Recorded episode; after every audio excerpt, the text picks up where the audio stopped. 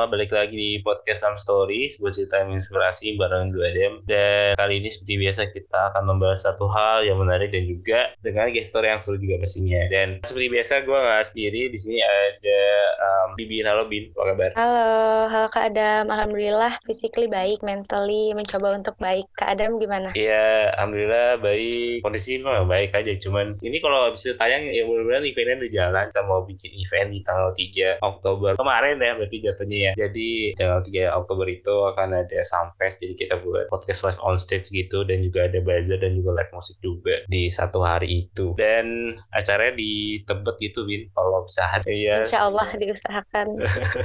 di Kobain Coffee Tebet jadi kayak konsepnya kita ada di kopi kedai kopi tapi di rooftop gedung gitu lah. Semoga nanti bisa ramai juga ya Kak apa namanya uh, acaranya. Tapi sebelum kita ngobrol lebih jauh lagi nih di episode kali ini, aku mau ajak teman-teman yang mau berpodcast juga kayak kita bisa pakai aplikasi namanya Spotify for Podcaster di mana aplikasi ini aku pakai juga buat bikin dan publish show ini. Dan aplikasi Spotify for Podcaster ini tuh ada buat ngasih tahu kita bahwa bikin podcast tuh gampang, seru dan 100% gratis. Selain gampang dan juga gratis, di aplikasi Spotify for Podcaster ini tuh juga banyak-banyak banyak banget nih fiturnya yang bisa membantu kita bikin podcast kayak distribusi ke Spotify atau distribusi ke platform-platform lain, editing, recording, bahkan nambahin bumper juga closing alias lengkap banget gitu. Jadi untuk teman-teman yuk langsung aja download aplikasi Spotify for podcaster ini dan bikin podcast kamu sesegera mungkin. Nah, di episode kali ini mungkin kita akan membahas satu hal yang mungkin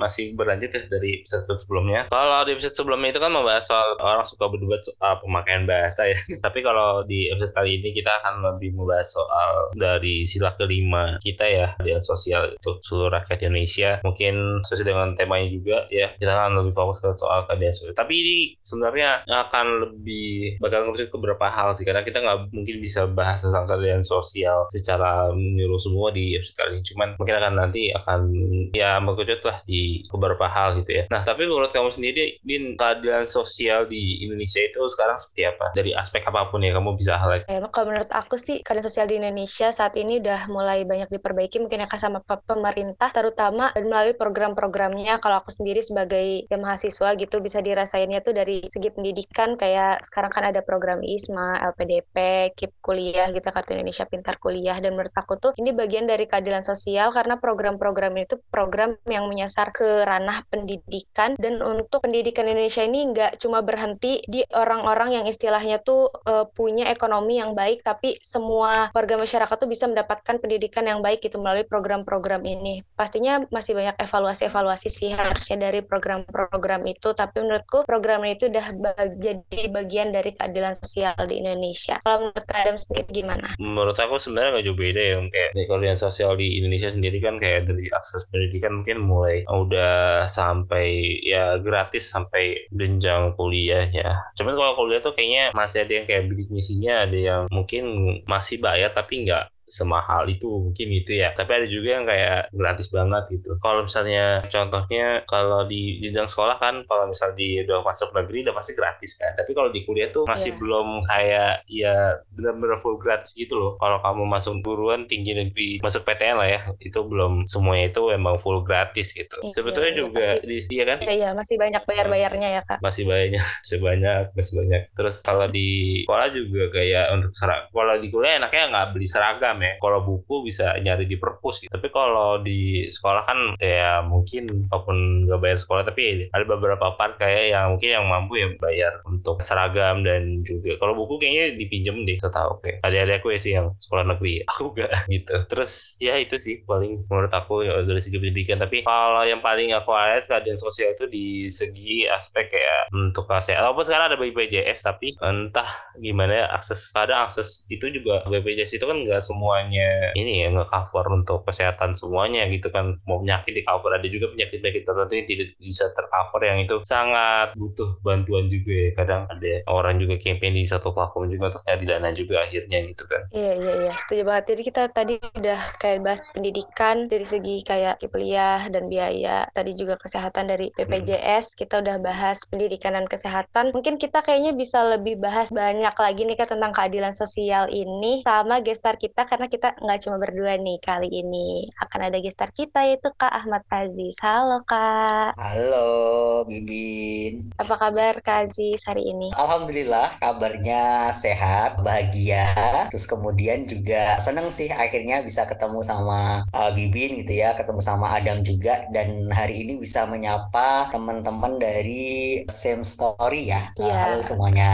Kak Aziz sekarang berarti lagi sibuk apa kak? Berarti Ya, saat ini aku lagi aktif ya di campaign, Campaign for a Better World. Kita adalah startup ya, base-nya hmm. di Indonesia. Kita mempromosikan dan juga kita menghubungkan nih antara teman-teman organisasi sosial dengan para pendukungnya, dengan masyarakat luas ya, untuk berkampanye terkait dengan isu-isu sosial. Kemudian kita hubungkan juga nih dengan para perusahaan yang ingin juga berbuat baik. Jadi teman-teman kalau misalnya berminat gitu ya untuk bisa mempelajari lebih lanjut silakan uh, akses aja di websitenya kita di campaign.com. Berarti fokusnya di uh, website ya ada mungkin ada aplikasi di iOS atau di Android gitu kak berarti? Ya kita punya aplikasi yang bisa digunakan sama teman-teman untuk bisa mendukung aksi-aksi baik tadi ya. Jadi hmm. kita menghubungkan tadi organisasi sosial, kemudian masyarakat luas dan juga uh, para perusahaan gitu ya. Teman-teman bisa kepoin gitu ya semuanya di aplikasinya kita namanya Campaign for a Better World yang bisa diakses di iOS maupun di Android ya untuk mendukung gerakan-gerakan sosial yang bisa teman-teman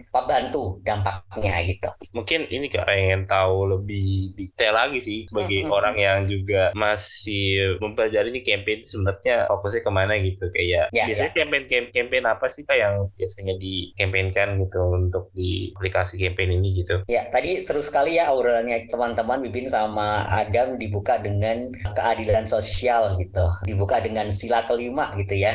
Nah ini juga merupakan salah satu kampanye yang juga yang banyak juga dikampanyekan di aplikasi uh, Campaign for a Better World nih jadi teman-teman ya aplikasi Campaign for a Better World ini kita buat tujuannya adalah untuk mengajak masyarakat luas gitu ya untuk bisa berkontribusi dalam hal-hal kebaikan. Nah kontribusinya kan macam-macam nih teman-teman. Kalau misalnya teman-teman ingin jadi relawan gitu ya bisa akses juga platform-platform yang banyak ya yang bisa teman-teman ikutin. Kemudian ingin donasi secara langsung. Nah, teman-teman juga bisa menyumbang secara langsung, kemudian juga akses platform-platform yang ada. Nah, ini menjadi salah satu pilihannya teman-teman juga untuk bisa melakukan aksi kebaikan dengan aksinya teman-teman. Jadi aksinya bisa macam-macam nih. Kemudian nanti dibuktikan dengan upload foto maupun video yang nanti aksinya teman-teman itu tuh foto maupun videonya itu tuh dikonversi jadi donasi oleh para perusahaan gitu ya yang mendukung gerakan-gerakan sosial ini. Kemudian yang bisa digunakan sama teman-teman organisasi yang mengkampanyekan isu tersebut nih untuk kegiatan-kegiatan mereka, untuk dampak-dampak yang mereka ingin capai. Nah tadi nih kalau misalnya Adam tanya tuh kira-kira fokusnya di mana gitu ya. Nah paling banyak gitu ya di aplikasi Campaign for a Better World ini, ini paling banyak kampanye-kampanye itu tuh seputar isu kesehatan, pendidikan, kemudian lingkungan dan juga salah satunya ini nih juga isu kesetaraan. Jadi hmm. kalau nanti ini kita bakalan banyak nih ngobrolin terkait dengan keadilan gitu ya. Nah mungkin hmm. kita juga bisa share nih beberapa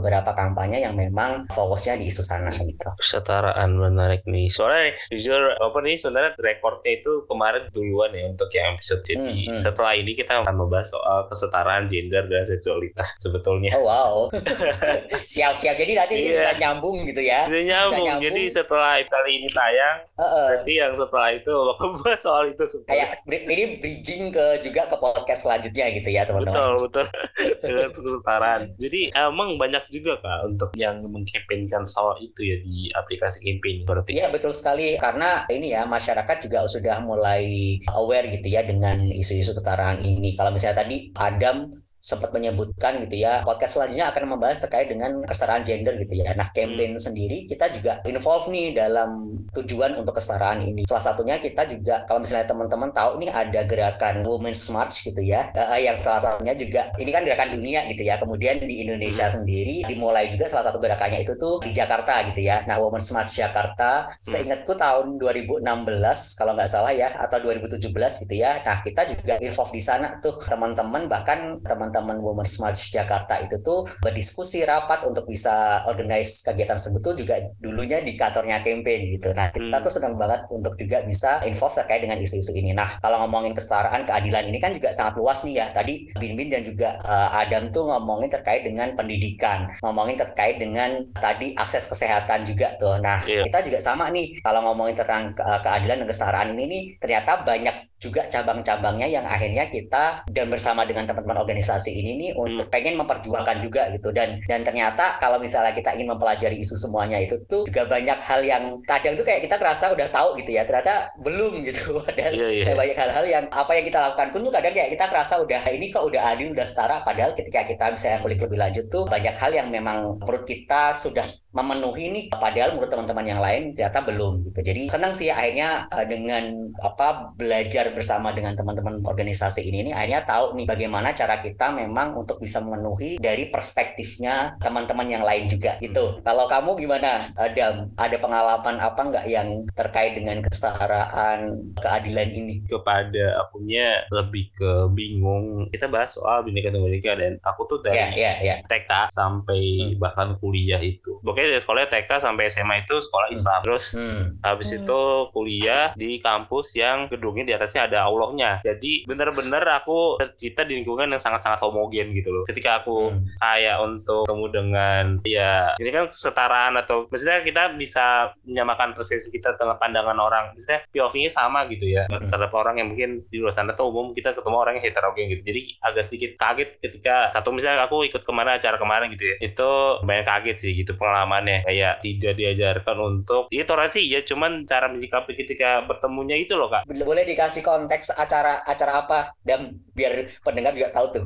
Oh iya iya iya. Nah, kayak kemarin contohnya ini yang di acara yang di support sama campaign juga ya ada creator yeah, space yeah. namanya di support sama USAID juga search for common ground juga dan ada kementerian hukum dan ham yeah. juga nah itu aku ketemu orang-orang yang sangat beragam termasuk juga orang-orang yang sangat-sangat bikin aku sedikit speechless tentang latar belakang mereka termasuk setelah ini ada juga yang aku minta dia ngisi ya tentang yang nice. untuk mengkampanyekan hal-hal yang berbau tentang kesetaraan seksualitas dan juga gender yeah. atau atau yang kita bisa hmm. ya ini bahasa sangat sensitif banget tadi judulnya mau itu cuman hmm. kita kayaknya aduh mikir lagi deh kalau itu kayaknya orang-orang Indonesia kayaknya belum bisa menerima terus aku kaget juga ada yang kayak ya disability kayak di hmm. acara itu ada yang aku maksud aku seneng sih kayak aku baru banget pertama kali ada satu acara yang kayak hmm. dia menyiapkan khusus untuk teman-teman yang uh, dia ada satu disabilitas dan dia mungkin lebih ke teman-teman tuli ya mungkin ya dia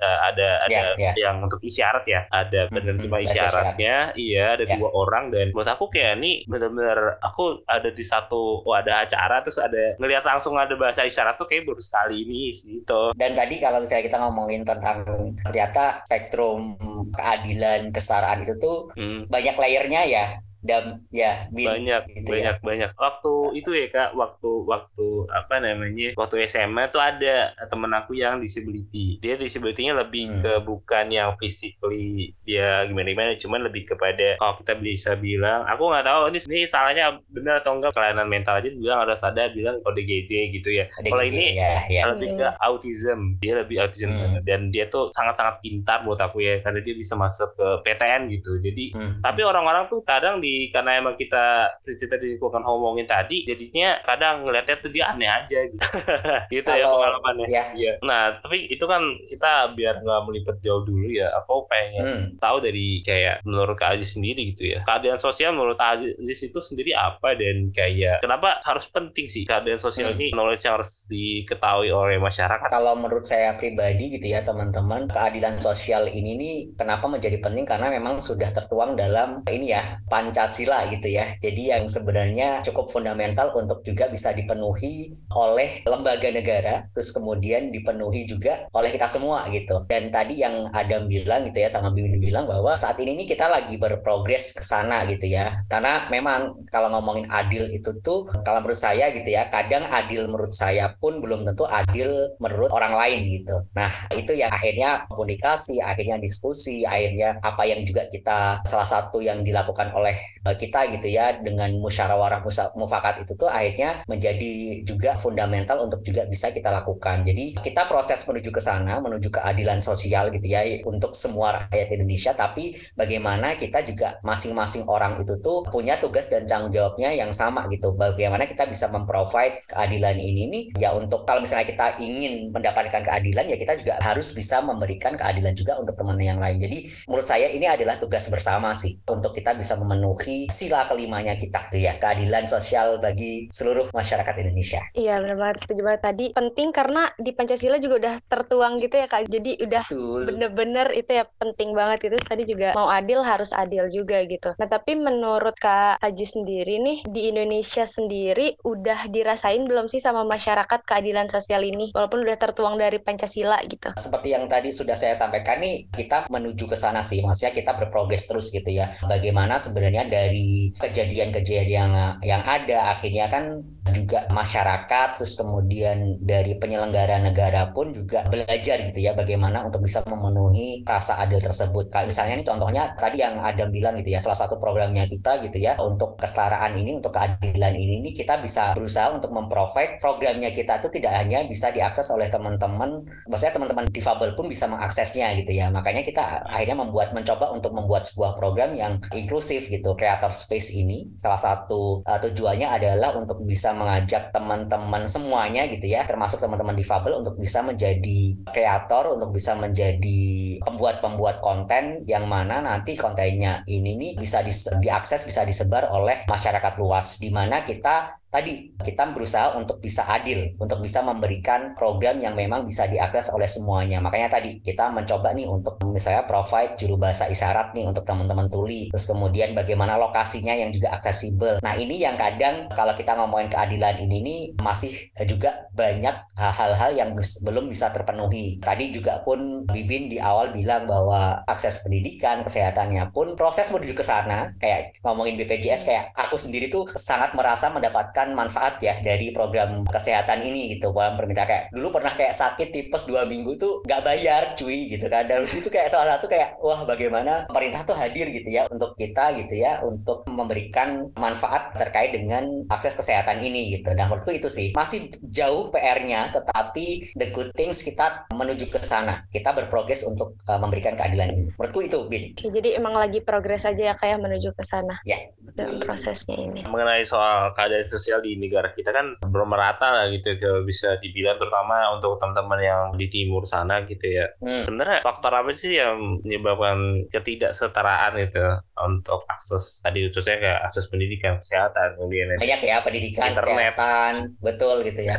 terutama itu. Berasa banget dam. Jadi kita hmm. pernah punya program uh, kemarin kan waktu pandemi akhirnya kita memutuskan untuk kegiatannya dulu nih campaign tuh aktivitasnya hmm. tuh offline banget dam. Jadi kita bikin kegiatan apa segala macam itu pun pun menurut kami ini belum bisa menyasar akhirnya belum bisa adil juga nih karena sangat Jakarta sentrik kan karena kita offline terus kemudian ya bisa akses hanya teman-teman yang ada di Jabodetabek gitu nah akhirnya pas satu pandemi kemarin itu tuh menurutku membuka kesempatan untuk kita bisa reach out ke teman-teman yang lebih luas lagi gitu dan itu hmm. pun akhirnya ada tantangan-tantangan baru gitu nah yang juga ini bisa nih kita mencoba untuk bisa menjangkau tidak hanya teman-teman yang ada di Jakarta yang sebelumnya ketika kita kegiatan offline tuh ya sangat Jakarta sentrik kegiatannya kita gitu gitu. Nah sekarang ini bisa nih kita mencoba untuk bisa memberikan program-program yang bisa diakses oleh teman-teman seluruh Indonesia gitu. Salah satu targetnya kita pun kita mencoba menyasar teman-teman yang ada di daerah luar Jawa misalnya. Nah itu pun sama ternyata ada tantangan baru di mana tadi yang Adam bilang gitu ya. Salah satu tantangan ternyata akses teknologi gitu ya, akses pendidikan pun di sana pun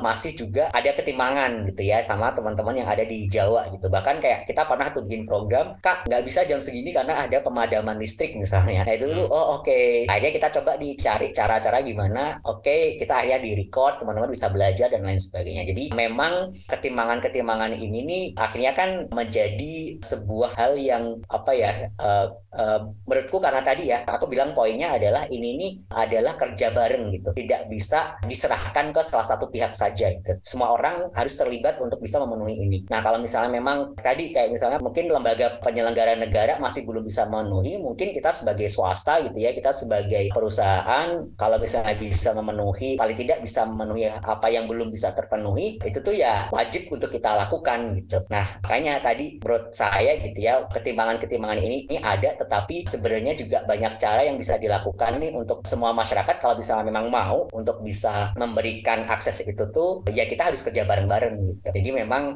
tidak bisa diserahkan ke salah satu pihak saja tapi semuanya harus gerak harus gerak langsung gitu. Itu sih. Dan banyak faktor ya sebenarnya yang bisa menghambat itu karena memang ya inilah kayak ngomongin kayak misalnya tadi akses teknologi dan lain sebagainya itu tuh memang kenyataannya masih memang belum adil masih belum setara masih belum sama juga gitu. Itu sih. Jadi bukan tugas pemerintah doang gitu ya kak tapi emang tugas kita semua gitu. Tadi aku kepo kalau dulu kan hmm. sangat Jakarta sentrik banget ya kak. Kalau sekarang yeah. nih setelah beralih ke online tetap sering gak sih kak acara-acara yang offline gitu? Dan kalau sering tuh biasanya di daerah mana aja nih biar teman-teman pendengar juga tahu. Dan siapa tahu ada yang di daerah yang sama bisa ikut gitu. Yes. Ya jadi kemarin tuh kalau tadi ya sebelumnya sebelum pandemi itu tuh banyak kegiatannya campaign gitu ya yang dilakukan secara offline.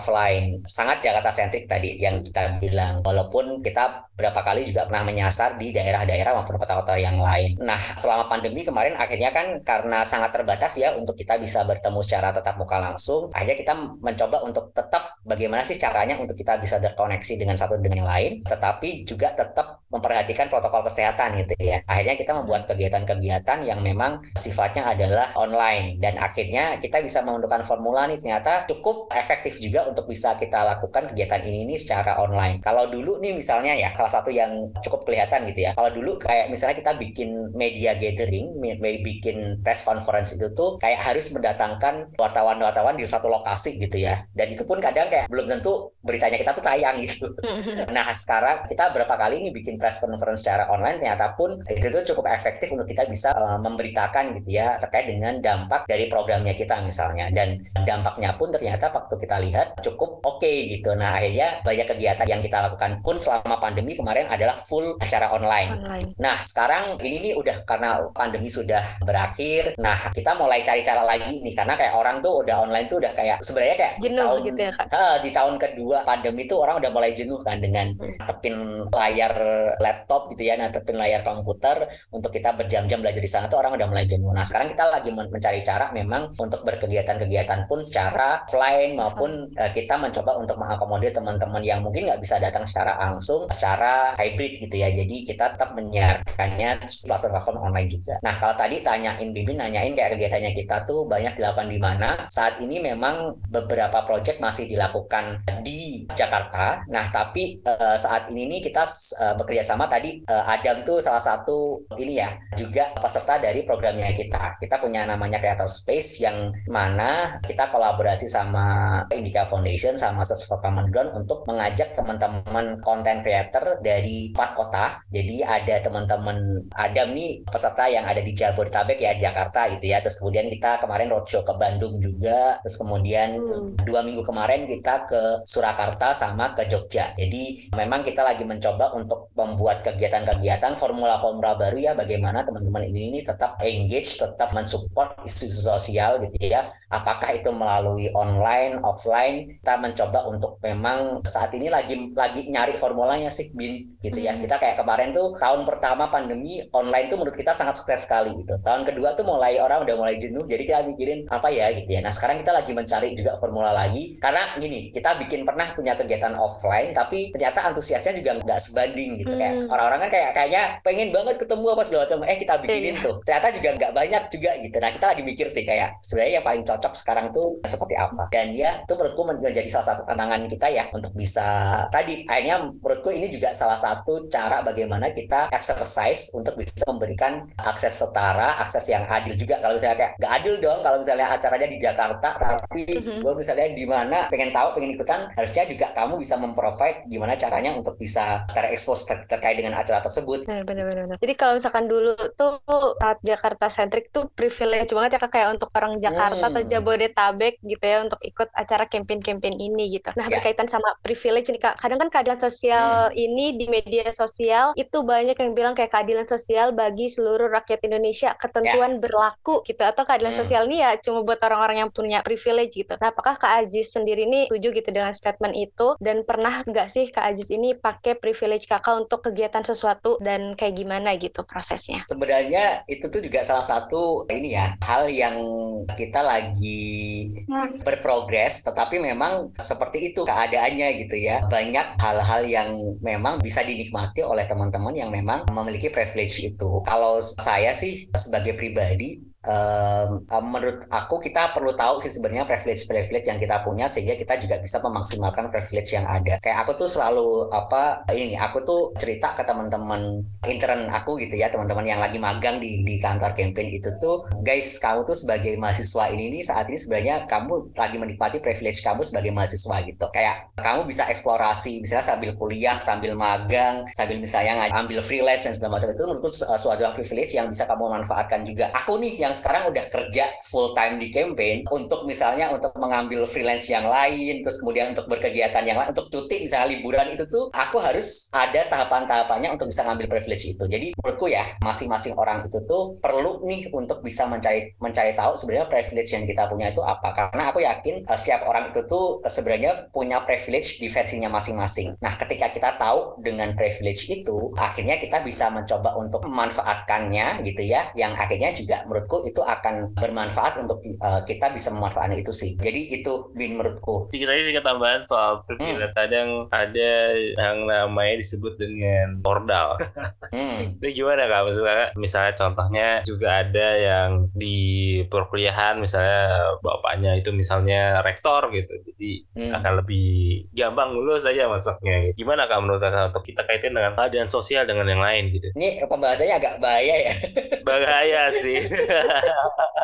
uh, ya kalau menurut saya sih sebenarnya kan itu tadi ya privilege itu tuh kalau misalnya kita bisa menggunakannya dengan baik gitu ya asal tidak tadi ya tidak juga mengambil haknya orang lain menurutku uh, tidak salahnya untuk bisa digunakan gitu ya. Tapi ini konteksnya nanti beda misalnya gini. Misalnya nih aku punya privilege pernah magang di campaign. Kemudian campaign lagi membuka kesempatan untuk bisa full time. Nah privilege-nya adalah karena aku pernah magang gitu ya aku udah tahu nih banyak orang-orang yang kerja di sana terus kemudian mungkin aku bisa kayak minta tips nih kalau misalnya mau pengen lolos di di campaign itu tuh tipsnya seperti apa misalnya. Tetapi aku tetap nih melakukan proses-proses yang memang dilakukan untuk sebagai rekrutmen gitu ya rekrutmen proses yang dilakukan di di campaign gitu. Nah menurutku karena aku tadi ada privilege untuk bisa ngobrol langsung dengan misalnya HR manajernya di campaign gitu ya uh, people teamnya di campaign aku jadi tahu aku udah tahu culture-nya campaign dan segala macam privilege itu yang akhirnya aku bisa manfaatkan untuk bisa aku punya peluang lebih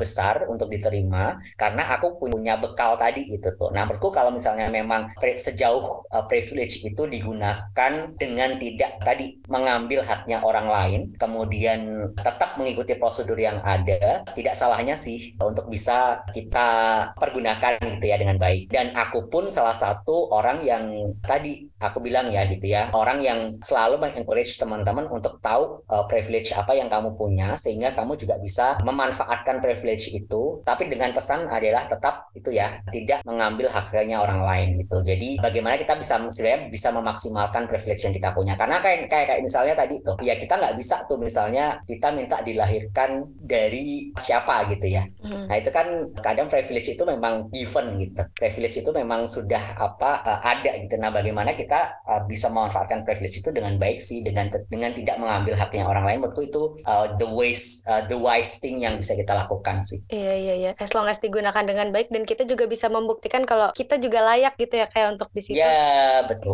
iya kayaknya okay. aman tapi kan ada beberapa momen ya kak kayak orang ini pakai privilege atau pakai hmm. sebut kasarnya mungkin ordal itu untuk hmm. hal-hal hmm. yang salah gitu digunainnya nah menurut kak Aziz sendiri nih gimana gitu cara membenahi ketidakmerataan ini gitu Nah itu yang nggak setuju gitu ya. Jadi bagaimana caranya adalah yang memang sistem ya yang harusnya akhirnya nanti bisa bekerja dengan baik itu. Kayak banyak misalnya contohnya gini. Tadi contoh case-nya adalah apa yang ada di campaign gitu ya teman-teman gitu. Biar nggak bahaya nih guys. Jadi kayak langsung memang memang dari site yang ada gitu ya. Kayak sering banget nih kak kan kita udah pernah magang nih gitu ya. Ya harusnya kayak langsung dong bisa masuk sebagai full time-nya kita gitu. Oh tidak bisa gitu ya. Kamu harus tetap mengikuti proses dan sistem yang ada di campaign gitu. Nilai plusnya adalah kamu udah culture fit nih dengan campaign gitu kan. Karena kamu udah pernah magang, kamu udah tahu bagaimana ini dan segala macam. Tetapi kita masih punya tahapan-tahapan yang harus kamu lalui juga. Nah itu menurutku harusnya akhirnya bisa mengakomodir dan bisa tidak melanggengkan itu ya. Itu adalah sistemnya gitu. Jadi bagaimana kita membuat sistem-sistem, membuat kebijakan-kebijakan yang memang bisa memutus mata rantai tadi gitu. Privilege yang digunakan tidak secara semestinya gitu. Dan ini tadi itu adalah tugas semua orang gitu karena kadang gitu ya sistemnya udah oke okay nih tapi ada oknum yang ada di dalamnya yang akhirnya tidak bisa menjalankan sistemnya dengan baik itu pun juga bisa terjadi yang namanya ketimbangan sosial tadi ya. Jadi itu sih menurutku adalah tugas bersama-sama dan dengan dengan sistem yang baik juga. Kalau misalnya ngomongin soal ini kan kita sangat-sangat banyak sekali anak muda ya. Nah, hmm. nah sebagai anak muda sendiri kenapa harus memperjuangkan keadilan? Ya karena harus dikembalikan lagi ke diri sendiri sih. Kayak kamu pengen nggak? Maksudnya kamu diperlakukan secara adil gitu. Nah kalau misalnya kamu jawabannya adalah iya ya itu adalah suatu hal yang emang harus kita perjuangan bareng-bareng gitu. Tadi yang aku bilang gitu karena adil kadang adil menurut kita. Itu tuh menurut orang lain apa juga nggak sama. Karena kita sendiri pun kalau misalnya diperlakukan secara tidak adil pasti kita kalau aku ya kalau aku ya kalau aku diperlakukan secara tidak adil aku pasti akan ini ya punya hal-hal yang tadi pemberontakan dan lain sebagainya. Tetapi itu tadi karena aku kembalikan lagi ke aku kenapa ini penting untuk diperjuangkan? Karena aku sendiri aku ingin uh, mendapatkan keadilan gitu ya. Aku ingin mendapatkan hak yang sama juga dengan yang lain gitu. Karena ya itu guys kayak sakit kalau misalnya kita diperlakukan secara tidak terus harapannya Kak Aziz terhadap dan sosial di Indonesia ke depannya gimana Kak? Iya kalau uh, harapannya berarti karena tadi yang kita bilang di awal ya bahwa kita saat ini memang berproses berprogres ke sana ya harapannya kita bisa kerja bareng-bareng sih kita tidak hanya menuntut gitu ya kita tidak hanya menyerahkan tugas ini ini ini ke salah satu pihak saja tetapi bagaimana kita sebagai warga negara pun kalau misalnya memang kita bisa itu memberikan itu gitu ya keadilan juga kepada orang lain kepada lingkungannya kita tuh ya yuk kita kerja bareng-bareng sih jadi harapannya memang orang sudah aware gitu ya orang udah sadar gitu ya bahwa sebenarnya ini ini adalah kebutuhannya kita masing-masing gitu ya jadi kita pun sebagai individu juga bertanggung jawab ya untuk bisa kerja bareng-bareng untuk bisa memenuhi keadilan ini, bisa memenuhi sila kelima ini. Setuju, setuju. Last question nih kak, tadi kan hmm. kayak kita udah ngomongin stakeholder-stakeholder, setiap stakeholder ini tuh berperan gitu ya dalam merealisasikan keadilan. Nah pesan terakhir nih dari Kak Aziz sendiri buat teman-teman podcast Some Story biar bisa merealisasikan keadilan. Ternyata ini ya satu jam cukup singkat ya, kayak gak berasa itu udah kayak iya, iya. aja ke pertanyaan pesan terakhir. Pesannya sih teman-teman tadi ya bahwa ini adalah tugas kita bersama. Ini adalah tanggung jawab kita bersama bagaimana kita bisa bareng-bareng gitu ya untuk bisa memenuhi sila kelima kita gitu ya. Banyak hal yang bisa dilakukan sama teman-teman gitu ya untuk bisa mendukung keadilan sosial ini. Bagaimana teman-teman bisa berkontribusi juga untuk isu-isu sosial yang sedang diperjuangkan oleh teman-teman uh, komunitas, organisasi sosial juga gitu ya. Tadi kita aku di awal highlight kalau misalnya teman-teman ingin membantu sebagai relawan, silahkan dicari tuh banyak kesempatan menjadi relawan. Kalau teman-teman teman-teman ingin menyumbang secara langsung bisa dilakukan. Nah, teman-teman juga bisa nih mempelajari terkait dengan isu keadilan sosial, kesetaraan juga di aplikasi kami. Keadilan itu menyasar ke banyak topik gitu ya, ada pendidikan, kesetaraan juga, kesehatan dan sebagainya gitu. Dan tadi Kaji juga berpesan kalau mau adil ya kita harus adil juga gitu ke orang hmm. lain dan setiap dari kita ini, setiap individu dari kita ini punya perannya masing-masing gitu ya untuk membangun keadilan itu sendiri. Kak Aziz mungkin tuh ya pembahasan kita kali ini. Terima kasih Ajis atas kesempatannya hari ini ngobrolnya seru banget. Pokoknya makasih banget nih ke Kak Ajis yang udah mau berkesempatan dan mau meluangkan waktunya nih ke podcast Sam Story hadir di sini. Semoga cerita dan pengalaman Kak Ajis juga saran-saran dan pesan-pesannya tadi nih buat kita semua bisa bermanfaat dan menghibur para pendengar setia kita. Buat teman-teman pendengar yang masih punya pertanyaan ke Kak Ajis, bisa langsung kontak Kak ke mana nih Kak? Boleh ya teman-teman silahkan bisa download aplikasi Kemenfo a Better World. Nanti kita bisa berteman di sana sana, cari aja username aku Ahmad underscore Aziz. Kita bisa ngobrol-ngobrol lebih lanjut terkait dengan isu-isu sosial yang ada, kemudian yang juga sedang diperjuangkan oleh teman-teman organisasi yang ada di seluruh Indonesia. Silahkan. Oke, Kak Ajis, terima kasih teman-teman. Jangan lupa follow ya dan nanti tanya-tanya ke Kak Ajis di sana. Kalau ada teman-teman juga nih yang ingin bekerjasama atau ada ide untuk konten podcast Some Story selanjutnya, bisa banget di start up on Instagram kita di podcast underscore some story dan juga bisa melalui email kita di podcastsomestory@gmail.com and terima kasih semuanya yang sudah mendengarkan podcast some story episode ke 139 bersama Kak Aziz and see you on the next episode. Dadah. Terima kasih. Bye bye thank you thank you